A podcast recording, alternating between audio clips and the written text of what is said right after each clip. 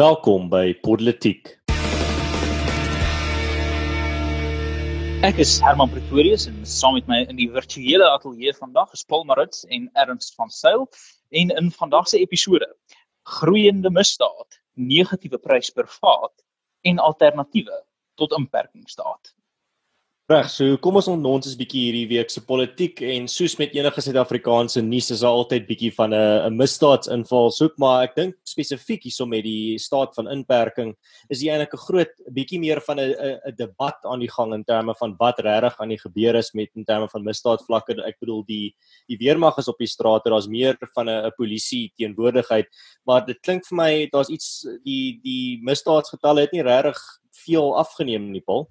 Uh dit Eerstens wil ek net sê jy weet baie baie geluk Herman met die um, met die rente. Ek dink dit is baie indrukwekkend en ek dink vir ons politiek luisteraar waardeer die kuns wat ons elke week vir jou bring want dis nie, dis nie altyd so maklik om die onderwerp te laat drein.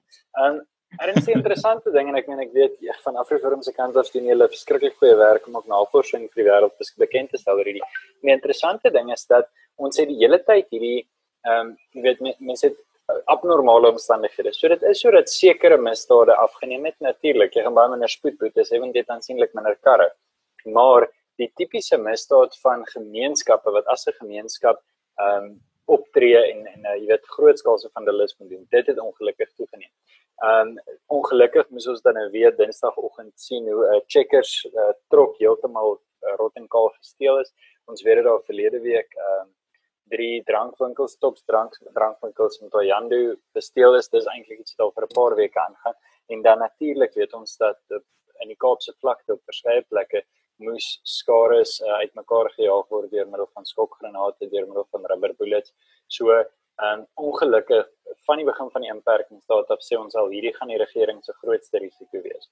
Wanneer die mense besluit dat hulle nie inkoop hierby nie dat hulle voel die risiko vir hulle om uit te gaan is kleiner as die as die probleem vir hulle om binne te bly. In baie gevalle is dit regtig net mense wat honger is, dis mense wat uitgelewer is. Natuurlik is daar gevalle waar mense drank steel en en sigarette steel en sulke tipe goeders.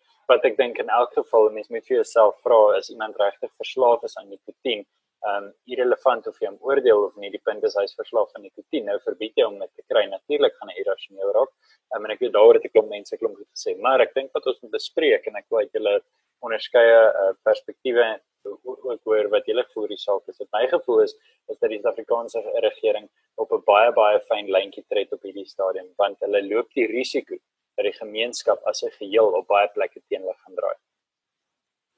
Ja nee natuurlik. Ehm um, ek dink regtig dis kom ek het ingelei het met die idee dat hier is definitief 'n baie belangrike debat uh onder die oppervlak van 'n baie algemene onderwerp wat ons meestal hier politiek oor praat, eintlik 'n tema wat by elke episode iewers inkruip. So wat ek dink hierso belangrik is, is die feit dat ek dink ons moet kyk na die die die effek wat hierdie staat van inperking gehad het op misdaad oor die algemeen. Nou uh, mense sou dink die die maklikste argument om te maak is om te sê maar daar's nou meer van 'n polisie verteen uh, teenwoordigheid op die strate, die weermag gestaan, natuurlik gaan die misdaad afneem, maar ek kan nie regtig sê dat ek hierdie gesien gebeur het nie. Um as ons kyk na byvoorbeeld die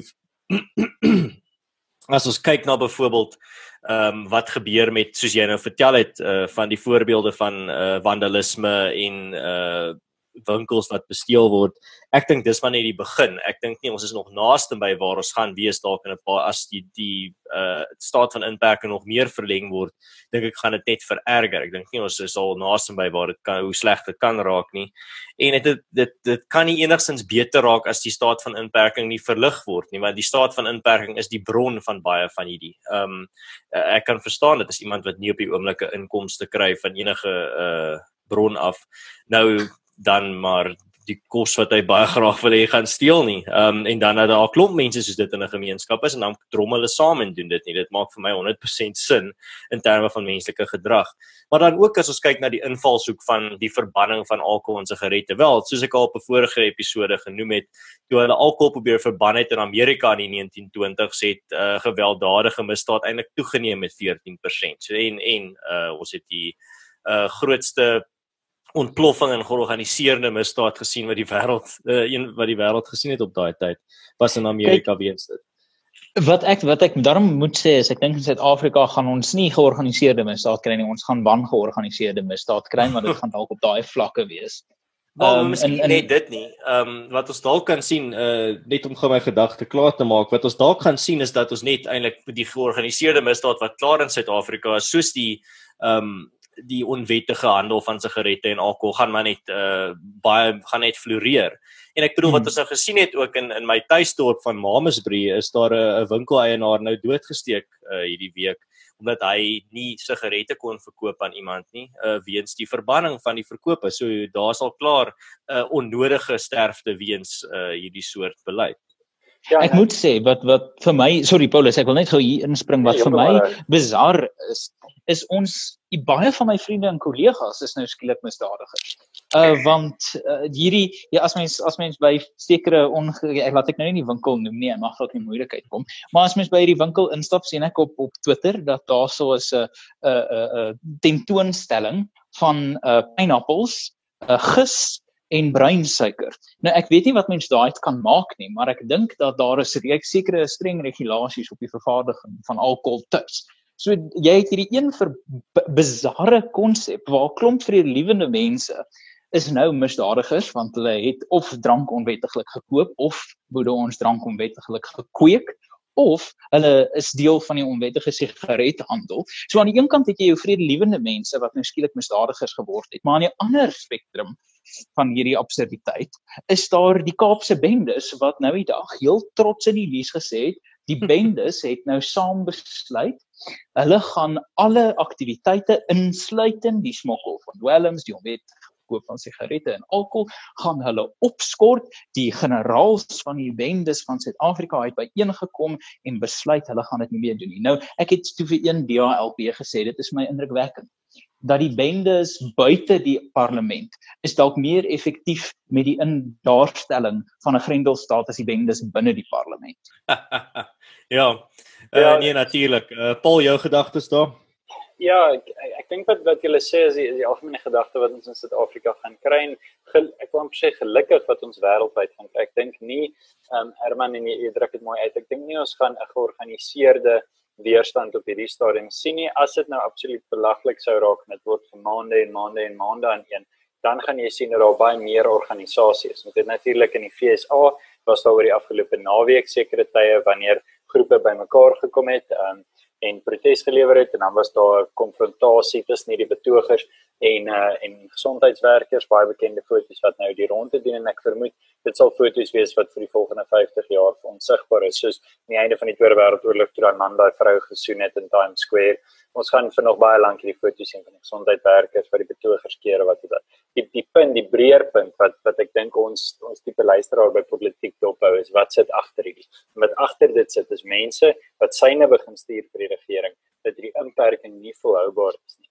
En en ons kan natuurlik in Suid-Afrika gaan ons dit sien op 'n paar vlakke ek dink wat die bendes betref is dit sekerlik een van die mees klein heilige goed wat hulle kan doen om te sê nee ons skort nou hierdie goed dat hulle is die bron van soveel misdaad goeie genigtig nou word hulle die helde wees in hierdie storie. Um maar nou ja, uh, dit laat my so 'n bietjie dink aan daai Friends episode waar Ross 'n tip los nadat Rachel se pa vir die kreef betaal het. Dit is julle letterlik net deel van die probleem gewees en nou wil julle die helde wees aan die einde. Maar in elk geval, ehm um, ja, Karel, miskien laaste gedagtes daaroor dan kan ons 'n bietjie praat oor Sasol se aandeleprys. ja, wat Herman, uh, jy kan jou finale gedagtes daar uit soek. Ja, weet jy, kyk, die die ding is dat ons ons ons moenie hierdie goeters in isolasie sien.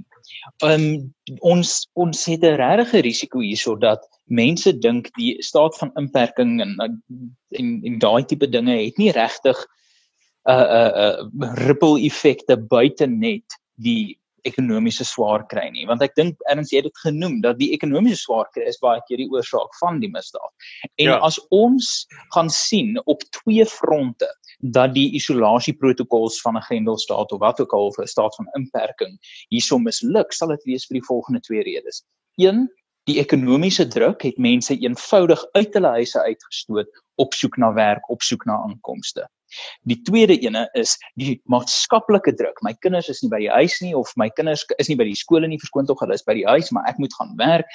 Dit gaan weer eens die isolasieprotokols ondermyn. So die taak wat die regering hierso het in terme van misdaad is hulle moet eerstens identifiseer dat die 'n staat van inperking kan nie nimmer eindig in geld nie. Dit gaan ongelooflik destruktief wees en Paulus is heeltemal reg om te sê mense begin hulle stemme dik maak teenoor die regering. Die tweede kwessie is dat hierdie misdaad element bestaan uit ekonomiese en maatskaplike druk in 90% van gevalle.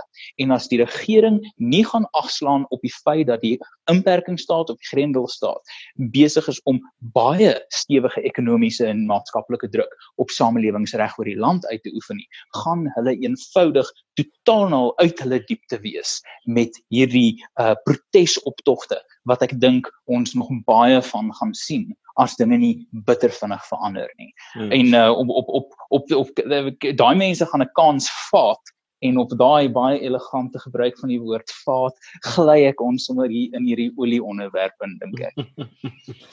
ja, um, ons het iets baie interessant gesien hierdie uh, week. Eintlik iets wat histories is wat nog nooit in die geskiedenis gebeur het nie. En dit was 'n negatiewe olieprys uh wat die wêreld nogal geskok het gisteraand en vanoggend weer uit uh vinnig weer. Dit was dink gisteraand op negatief 3 dollar per uh, per vat van olie en toe het hy weer herstel gedurende die nag en toe was hy vanoggend punt weer op uh, -4 dollar. So as jy dit nou regtig ongelooflik vereenvoudig, ehm um, het hulle jou betaal om van hierdie olie van hulle hande af te vat. Ehm um, nou, so ja. my pa met sy kinders, hy soort van hy hy met, op 'n stadium net geld gegee vir mense en gesê vat hulle vir my hande af. ja, maar mense ja, kan olie so, gebruik vir iets, man.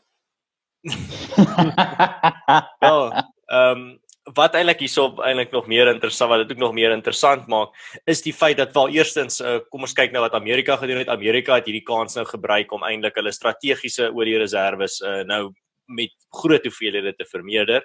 Maar dan tweedens wat hierdie nou gaan veroorsaak teen teen in die toekoms is dat Suid-Afrika kan moontlik die petrolprys so goedkoop soos Coke maak, maar op die ou end gaan die petrolprys nog steeds hoog wees weens die die menigte heffings en belastings wat daarin uh, betrokke is. So ek dink dit gaan vir ons in 'n snaakse posisie sit waar Suid-Afrika nog steeds baie hoë petrolpryse gaan hê, uh, al het die die olieprys so laag gedaal. Ja, ehm um, Ja, nee, ek Paulus, ja, man gaan okay, laat laat ek wegspring en dan kan jy eh, kan jy aanhaak. So net om agtergrond te gee vir jou as politieke luisteraar as jy ehm um, ja, so wat, wat basies gebeur is dat Amerika het 'n klomp olie bestel, besending van hom kom as hy jare en jare terug het hulle gesê goed, hierdie is wat ons projekteer. Daar's 'n sekere kontrak van aflewering en daar word stabiel aangehou. Ehm um, dit gebeur natuurlik binne 'n klomp verdraad is met 'n klomp lande en hulle het 'n klomp bondgenote. Natuurlik weet ons dat geopolitiese massiewe rol speel wat energie betref, veral wat wat die handel en die die rondskyf van olie betref. Nou goed, wat gebeur is as gevolg van die koronavirus is daar natuurlik 'n baie verlaagde vraag na olie en dit beteken dat hulle nie die ruimte het om hierdie reserve te stoor nie want hulle tanks is nog te vol. En dan gebeur dit dat hulle fisies nie die besending kan opneem nie en dan sê hulle goed, in plaas daarvan om hierdie olie waarvoor ons eintlik al reeds betaal het te neem, sal ons jou betaal om dit elders anders of met van ons hande af te neem. So dis in teorie wat dit beteken. Ja. In praktyk het dit natuurlik net eintlik die effek dink ek dat die boot by die hawe sal wag totdat die ehm um, totdat die coronatyd verby is. Maar die impak wat dit op Suid-Afrika het is massief. Natuurlik is daar hulle wat dink nou gaan ons ewe skielik weet bietjie goedkoper kan rondry wat wat is nie so eenvoudig. Ehm um, ons moet onthou in Suid-Afrika dat baie verre die meeste van ons van ons geld per liter gaan na heffings en na wat ongelukkige ja. fondse en na belasting toe. Wat ons verder as dit moet onthou is dat ons uh, uiteindelik sit met 'n is 'n brandstofstelsel wat net nie noodwendig op daai manier na sy verbruiker kyk nie, want sy verbruiker is ten volle afhanklik van hom. Ehm um, uiteindelik wie, wie ek dink die swaarste gaan kry in die kort termyn is uh die die hele oliebedryf uh, reg oor die wêreld wat Suid-Afrika betref, Sasol se aandeleprys. Jy moet onthou daar's van die groot direkteure wat nie noodwendig so groot inkomste kry nie omdat hy daarop gereken het dat sy aandele 'n sekere waarde gaan hê en daai aandelewaarde hmm. is 5% van wat dit was begin van die jaar. Dit is selfs minder as 5% van wat dit Januarie 2019 was. So ehm uh, dis dis nodig om hierdie goed in ag te neem in die breë prentjie te kyk. Ehm um, die daar's natuurlik 'n klomp ander effekte wat ons in die volgende weke sal sien, maar in breë trekke is die gevolg hiervan nie net o, jy ek gaan my tank vir goedkoper kan volmaak. Hmm. En ek dink ook 'n uh, ander element hierso wat ons miskien ook nie moet ignoreer nie is die lande wat die hardste hierdie getref gaan word en dit gaan lande wees soos Rusland en Venezuela wat 'n ongelooflike groot staat maak 'n groot staat maak uh, op hulle op hulle olie en hulle natuurlike gas uh, produksie. So ek dink wat ons hierso definitief gaan sien is baie van ons vriende, Suid-Afrika se globale vriende van ons beste chommies, uh gaan bietjie begin armer uh wees in die komende jare en ek dink dit gaan vir hulle die hardste tref en dan so indirek vir Suid-Afrika ook uh 'n negatiewe effek op ons ekonomie en ons uh handel met daai daai lande. Wat wat vir my interessant is ook van hierdie hele olie kwessie is die feit dat Amerika die kans gebruik het om regtig hulle olie hulle olie reserves uh, 'n bietjie te beaandag. Herinner 'n bietjie aan aan ons eie olie reserves drama van so 'n paar jaar gelede in 2015 is die uh, Suid-Afrikaanse olie reserves verkoop teen 'n uh, 'n 10 miljoen vate is verkoop teen 29 dollar uh, per vat as ek reg onthou dit was einde 2015 November Desember of daar rond. Maar die probleem is uh, dat dit daar's hierdie vermoede dat dit vreeslik onder waarde is amper helfte van die waarde is verkoop. So of of teen teen helfte van die waarde verkoop. So jy sit moontlik hier met 'n situasie waar Suid-Afrika se olie reserves 29 dollar per vat verkoop is terwyl dit nader dalk aan 50 dollar per vat werd was. Nou mense sou ook wonder, ehm um, wat sal die Suid-Afrikaanse regering in hierdie uh toestand gedoen het? Sou hulle dalk gedink het my magies hierso is 'n geleentheid om die brouwerk van Tina Jomas Petersen dalk reg te maak. Ek sal ek het nog nie iets in daai lyne gesien nie, maar dit sal baie interessant wees om om uh te sien of die Suid-Afrikaanse regering heeltemal deur hierdie proses aan die slaap by die wil is.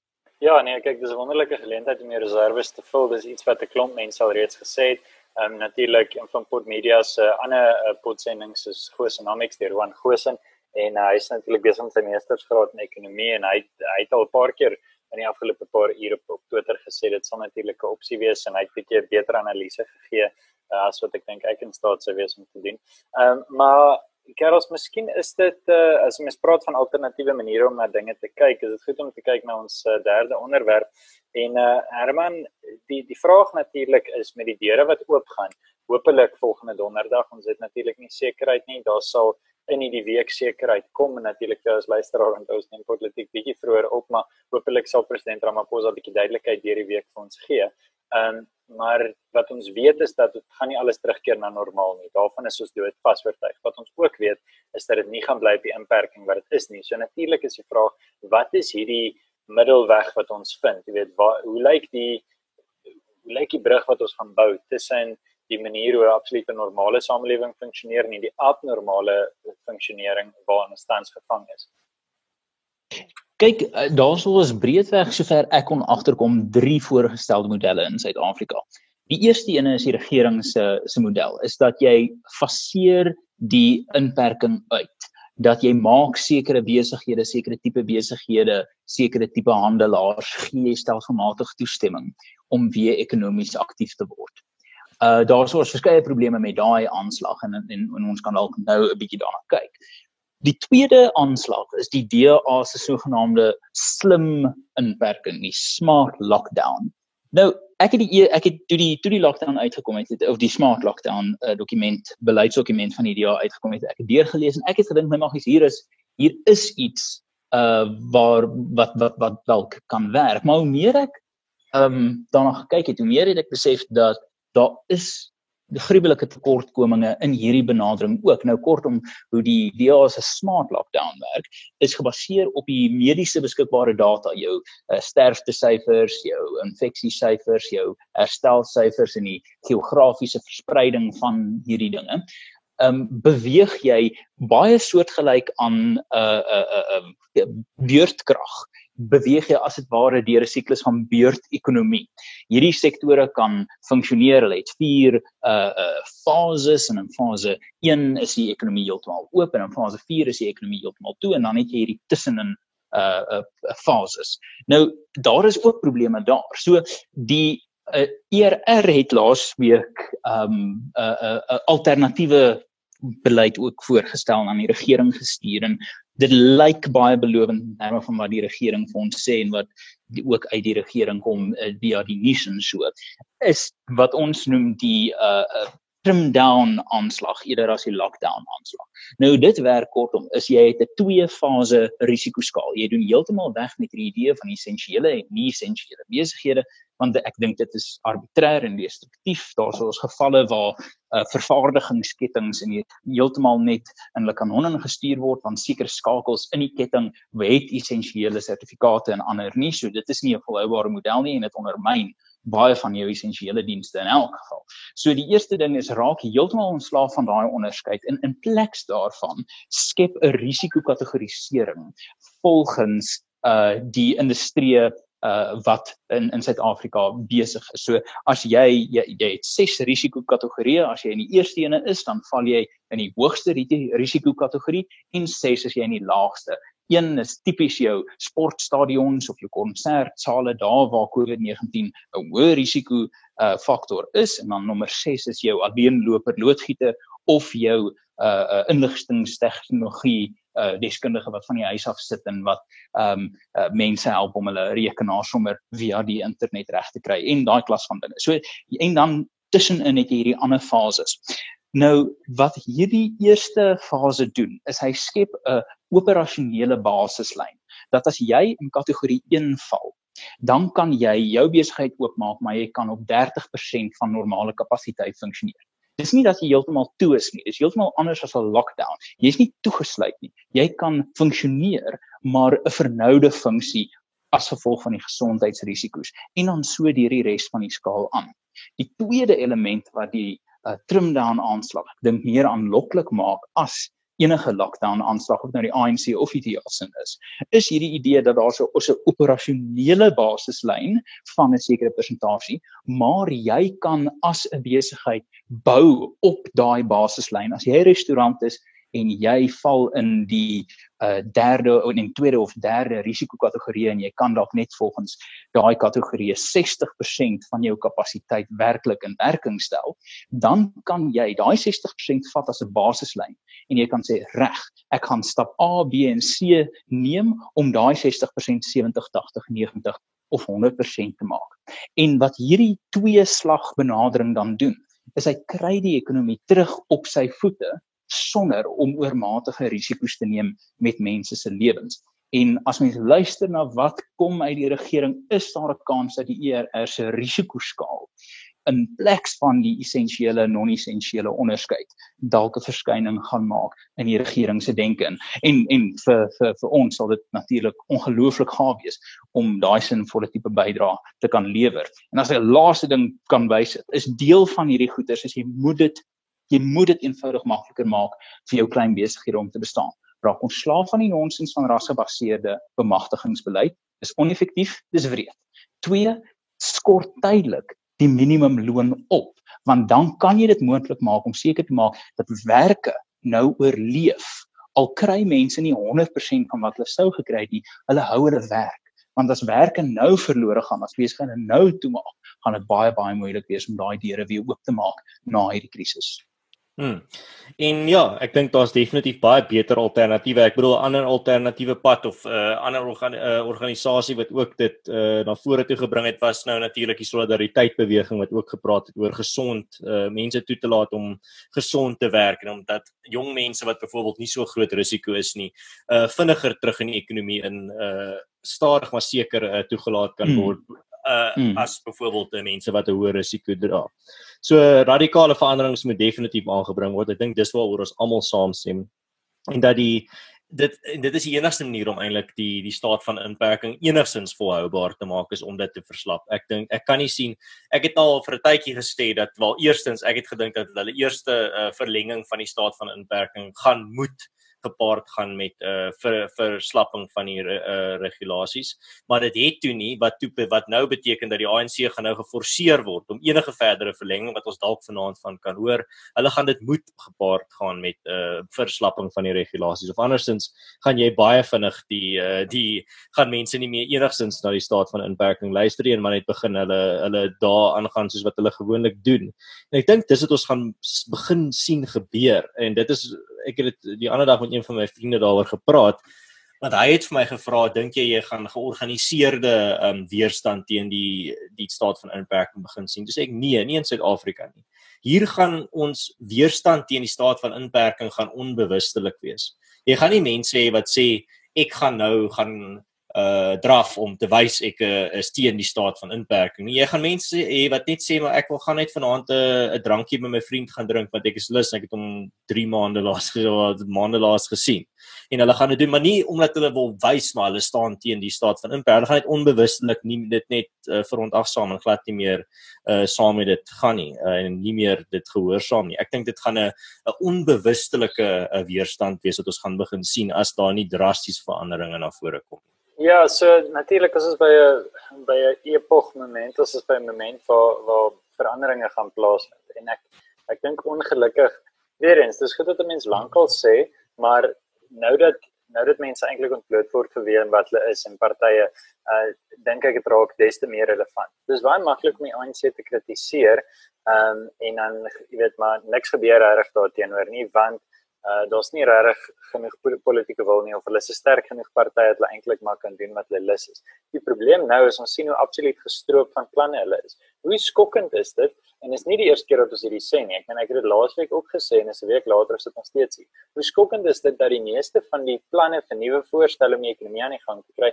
nie van die staat afkom dis het sy dit een van die drie organisasies is waar mm. ons werk of is die mm. demokratiese alliansie of dit is die landbouverenigings of dit is uh groot kettingwinkels maar die punt is dat die regering nie die ouens is wat planne maak nie ek kry die idee dat hulle regtig sit en kyk hoe doen die res van die wêreld dit maar die res van die wêreld het nie ons probleme nie hulle het nie dieselfde afstand nie jy, jy kan nie Italië gebruik nie ek weet nie afstand tussen ehm uh, tussen Napoli en Rome is letterlik die afstand wat tussen Johannesburg en Potch. Jy kan nie en dis twee massiewe stede.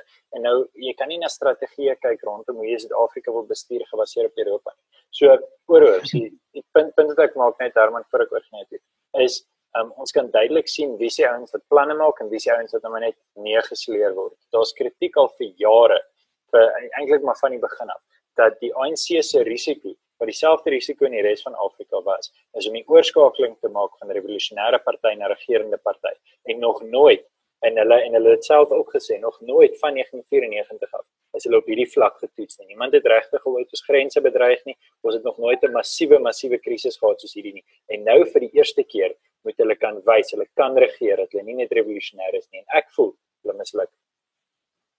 Nee, Paulus, ek dink jy jy is absoluut op die bal daarso. Wat vir my net hierdie is net weer 'n aanduiding, 'n onderstreping van die beginsel dat as mense um, geaffekteer word deur die probleme. As daar as jy wat wat sê Frans as jy skin in the game het, dan is jy bereid om bietjie skouer aan die wiel te sit. Ja, jy het 'n perd in die race.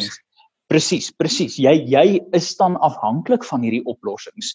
En die feit dat ons hier sien dat die staat is nie die bron van oplossings nie, maar die privaat sektor, jou burgerlike gemeenskap en jou privaat sektor is die bron van oplossings, van idees, van voorstelle en in 'n dik stroom van sinvolle bydraes, dan is dit net duidelik weer 'n aanduiding ons moet eerlikwaar heroorweeg waar sit die mag. En as ek 'n laaste ding dalk net kan sê oor die oor die drawery wat jy genoem het Ernst, ek hoor blykbaar dat die sosialiste is heeltemal tevrede daarmee dat daai maraton tussen Durban en Pietermaritzburg aangaan want uh, blykbaar noem hulle dit die comrades. So die uh, daar dis daarom nie heel, ja. heeltemal 'n verlies aan aan aan drafgeleenthede nie. Wel, uh, dis seker dieselfde rede hoekom hulle heeltyd so praat van die 4de industriële revolusie want dit het die woord revolusie in. So ja, ons... en die woord vuur. Uh as ons kyk na wat gebeur met ons skole. Ja. Nou, miskien net nog 'n laaste finale gedagte van my kant af. Iets wat ek ook sien wat eintlik vir my bietjie ontstel is die feit dat en ek weet dis nie ek kan nou nie in almal se harte insien nie en dit is miskien 'n veralgemening. Maar dit lyk vir my asof die mense want ons het nou gepraat oor wie ondersteun die die Grendelstaat verleng sonder enige verslappings en wie wil eintlik die ekonomie red wat ek sien en dit is oor die algemeen is die mense wat sê maar ons moet nou vasbyt en ons moet die die staat van inperking verleng en ons kan nie nou enige verslappings hê nie dit gaan alles opmors en ons moet nou net al hoe strenger al hoe strenger is die persone wat die luksheid het om by die huis te sit en hulle en nog steeds hulle inkomste te verdien elke maand, die persone wat 'n uh, baie gemaklike middelklas lewe het, wat eintlik wat 'n agterplaas het so groot dat hulle kan verlore raak daarin.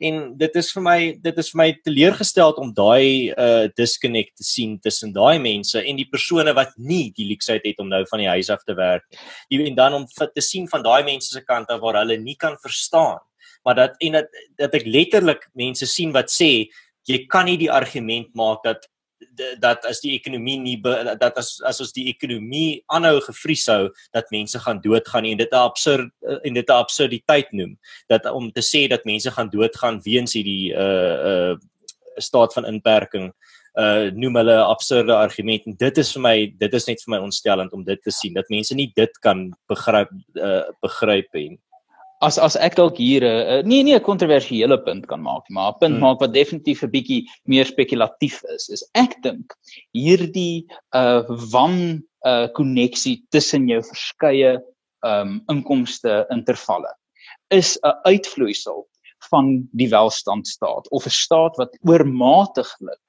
um uh, amper oorhel in die verkeerde rigting van om seker te maak dat daar is 'n armoedeval nie want ek dink wat ons hier sien is die realiteit dat die middelklas was vir so lank um verwyder van enige interaksie met die persone uh in wat wat meer behoeftig is. As ek dink as mens in 'n situasie sit waar jou middelklasse deur liefdadigheid, deur kerke, daai tipe ondersteuning van mens tot mens gee aan mense wat meer behoeftig is, is daar hierdie bewustheid in beide rigtings van die ander een se lewensomstandighede. Maar as die staat daai rol gaan oorneem en sê ek gaan nie 'n staat maak op die liefdadigheid of op die kerk of op die gemeenskapsstrukture nie, ek gaan self daai rol speel. Ek gaan steel by die rykes en gee vir die armes dan is daar 'n tipe van 'n onderbreking in daai samelewingsketting wat ontstaan. En ek dink as mens ja. gaan kyk breër daarna, die rede dat die middelklas van Suid-Afrika in baie gevalle so blasey kan wees oor hierdie omstandighede en oor die uitdagings wat armer Suid-Afrikaners in die gesig staar, is dit omdat die sosialistiese staat daai 'n 'n 'n liefdadigheidsrol, daai voorsieningsrol, daai medemenslikheidsrol oorgeneem het en verander het in iets giftig. En ek dink dit is dalk iets wat dis soos ek sê, spekulatiewe punt, maar ek hmm. dink dis dalk iets om aan te dink. Ek stem 100% saam, Paul.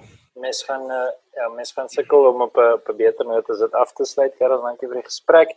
Jy as luisteraar, soos die wyn in jou huis, is hierdie episode ook vir eers verby. Dis nou jou as luisteraar uit homself Victor Nonsens hierdie gesprek voort. Jy het nou tans nog so laaste bietjie tyd, praat met ons in die kommentaar afdeling of watter op 'n platform jy wil of gebruik uit op sosiale media. Ondersteun ons ook gerus op Patreon as jy van wat ons doen, bly veilig en uh gesels ons binnekort weer.